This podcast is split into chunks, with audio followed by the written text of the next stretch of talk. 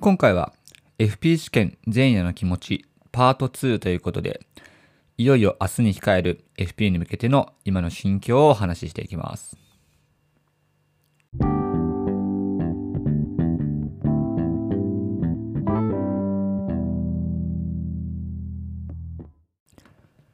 皆さんこんばんは。ヒロトのフラット独り言、えー、本日土曜日の配信を始めていきます。はい。えー、今日はですね、まあタイトルにもある通り、明日 FP 試験を迎えているということで、えー、もう先週からね、もう1週間経ってしまいました。まあ、先週のね、土曜日も同じような感じで、えー、お話をしたんですけども、やっぱいいですね。こういう不安な気持ちっていうのを、あの、マイク越しにね、喋ってみると、意外と落ち着いたりもするので、はい。なんかね、今後も、な、その次の日に、なんか勝負事とかあったら、はい、こういう感じで配信していくのも一つ、まあ、手かなと思ったので、はい、ちょっとね、今後も、えー、こういう環境を使わせていただこうと思います。はい。まあね、明日、えー、いよいよ FP 試験2日目ということで、えー、明日はですね、あのー、FP の、まあ、CFP の中でも6分野の中で、タックスプランニングという試験を僕は、えー、受けます。まあ、内容としては、まあ、タックスっていうぐらいなので、まあ、税金についてですね、まあ、企業とか個人とか、もう社会全体の、えー、税金に関する、まあ、まあ、問いですね。それを、えー、答えていく。まあ、今回も前回と同じように、えー、50問で、マークシート式なので、まあ、形態としては変わりなくですね。時間も2時間ぐらいでやっていくので、そうですね、明日は、えー、12時半から2時半の間にあるので、まあ、その時間、あの、目いっぱい集中してテストを受けるっていう、まあ、そんなスケジュールになってます。はい。えー、まあ、前回はですね、まあ、ライフリタイアメントプランニングということで、あの、どっちかっていうと、まあ、老後の生活に焦点を当てたような、えー、内容だったんですけども、まあ、実際ですね、まあ、この2ヶ月ぐらいで、このライフリタイアメントプランニングとタックスプランニング、まあ、2つのね、もうどっちもプランニングっていう名前をついてるもの、今回は、まあ、勉強してたわけなんですけども、まあ、約2ヶ月ぐらい、ちょっとね、まあ、本腰入れてやってたわけです。で、実際まあ、どっちがやってて面白かったかっていうと、まあ、僕はタックスプランニングの方ですね。うん。やっぱり、まあ、老後のことってなかなか 今ね、まあ、20代、まだ前半なので、なかなか想像できないですし、まあ、こういう仕組みがあるんだってことは、まあ、すごく勉強にはなったんですけども、まあ、なんかイメージしづらかったなっていうのが正直な感想です。まあ、一方で、まあ、タックスプランニングの方は、やっぱ税金のことなので、うん、本当に身近なこと。まあ、税金でね、本当にいろんな種類あるんですよね。まあ、本当に、あの、多くの人が、まあ、一番身近に感じてるのが、まあ、消費税とか、あとはね、会社とかで、まあ、給料を得てる人は、まあ、所得税とか、あとは住んでる地域によってかかってくる住民税とか、もうね、税金に関しては、もう上げたらキリがないぐらいの、はい、たくさんあるので、やっぱそういう自分が、ね、普段、まあ、関わってることに関する、まあ、勉強ではあったので、まあ、すごくとっつきやすかったですね、正直。うん。なので、まあ、税金に関することっていうのは、うん、やっぱり知っておかないと、なんだろう、まあ、気づかないうちに、なんか多く払いすぎてしまっていたりとか、そうなんですね。実際の勉強してみて、あ、意外となんか払いすぎた場合の、なんか、えー、払い戻しとかあるんですよね。うん。ちゃんと申請をすれば。まあ、なので、そういった意味でも、ちゃんとね、こういう知識を学んで、ね、今後自分が、じゃあもし、なんですかね、うん、まあ、個人事業主とかもなって、はい。で、それこそ、うんまあ、会社じゃなくて、もう自分で全て、お金の管理をしなければいけないってなった時に、こういう、まあ、やっぱ税に関する知識っていうのはね、ついて回ってくると思うので、まあそういうことを見据えても、まあすごく勉強になったなっていうのが正直な感想です。はい。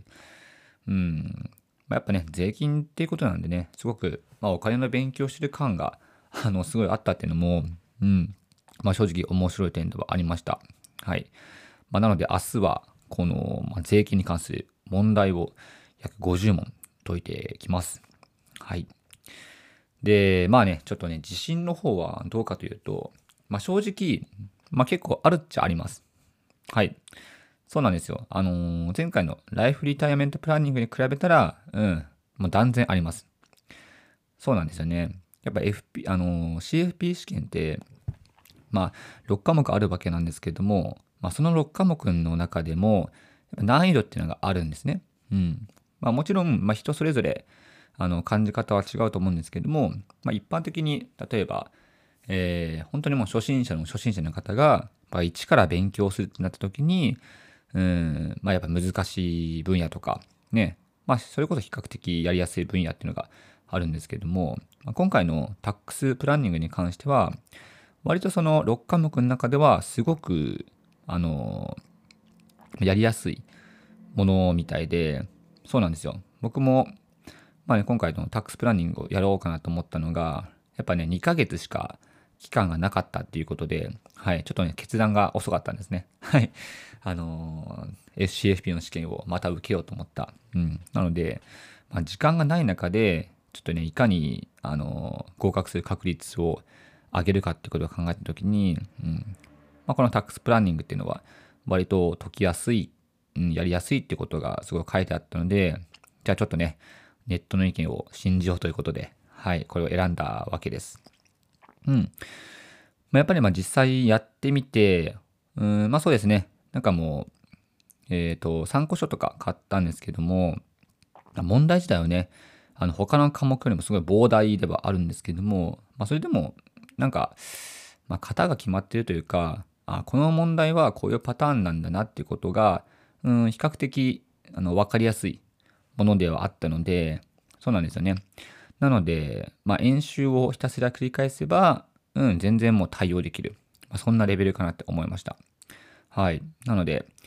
えー、一応、まあ、昨日と一昨日で過去問を過去2年分ですね、まあ、解いたんですけれども、どちらも一応は、まあ、合格ラインには達することができたので、うんまあ、しかも大幅にできたので、まあ、とりあえずは、うんまあ、本当にまあ明日の試験でね、まあ突拍子もない問題が、ま、連続して出ない限りは、まあ多分大丈夫かなって思うんですけども、まあでも、油断できないですね。本当に本番何があるかわからないので。まあなのでね、今日もこの配信が終わった後に、うん、まあ徹底的に見直しはするんですけれども、はい。まあ僕は結構こういうところは念入りにやろうかなと思ってるタイプなので、はい、もうね、もう最後の最後まで気を抜かないようにしたいと思います。はい。で、まあ明日のね、12時半から2時半の試験が終わったら、とりあえずは、あの、直近で頑張っていた、まあ CFP の2科目は終わるわけなので、まあ言っちゃ解放されるわけですね、テストから。なので、まあその後ね、何しようかなってね、今日考えたんですけれども、うん。まあ、ね、ちょっと大きく分けてやりたいことは3つありました。で、まず一つ目。まずは、まあ、思いっきり寝たいです。はい。もうね、FP の、あの、勉強をしてた時は、まあ、基本的に、まあ、会社から帰ってね、やるわけなんですけども、うん、もうね、始めたてとか、なんかね、先が見えなすぎて、もう不安だったので、もうね、どれぐらいかな、毎日、まあ、少なくとも1時ぐらいまではちょっと勉強してましたね。うん。まあ、会社自体が6時とか6時半ぐらいに終わって、まあ、その後、まあ、食事とか風呂とか、あとこの温泉配信もやってたので、そういうのも、あ筋トレもか、もう全部さっぴいて、だいたいまあ、いつも10時半とか11時から、ね、だいたい2時間ぐらいやっていたので、そうですね。なので、まあすごいね、寝不足なんですよね、正直。うん。まあ今日も一応土曜日だったので、まあ、ある程度は寝ることはできたんですけども、まあでもそれでもね、なんか、まあ、テストが残ってるってことを考えると、なかなか、なんかぐっすり眠るっていうのがね、ちょっとできないなと思ってたので、まあ明日、ね、テストが終わってスッキリしたら思う存分寝たいと思います。はい。で、二つ目はですね、うん、まあちょっと家の整理したいなと思いました。うん。まあ、全然ね、ありきたりなんですけども、あのー、結構ですね、僕今、えー、お家の中の、まあ、家具があんまりないんですよね。うん、基本的に、まあ、物をあまり持ちたくないタイプなので、まあ、いわゆるミニマリストですね。まあ、ミニマリストって言っても、完全に物がないわけじゃないんですけども、まあ、必要最低限以外はあまり置きたくないっていうタイプなので、そうなんですよ。なので、まあね、そのスタンスでやってたんですけども、もう最近、なんだろうな、うん、まあ、大きなものはあまりないんですけども、例えば、なんか紙とか、なんか請求書とか、そういうものがいろいろ溜まって、もうね、それ整理するのめんどくさかったので、もうどんどんどんどんファイルに溜めてったら、ファイルの中がぐっちゃぐちゃになってたので、まあ、とりあえずは、なんだろう、まあ、テストは一区切りして、うん、家の、えー、周りをね、あの、掃除しようかなと思ったので、まあそうですね。まあそんな大したことないか。まあ家の整理が2つ目と、あと3つ目。いや、これはですね、明日、あの、やるんですけども、僕はステーキを食べに行きたいです。はい、ステーキ。あの、前回の、えー、11月の時も僕 CFP の試験を、まあ、3科目受けて、えー、2科目受かったわけなんですけども、その時も、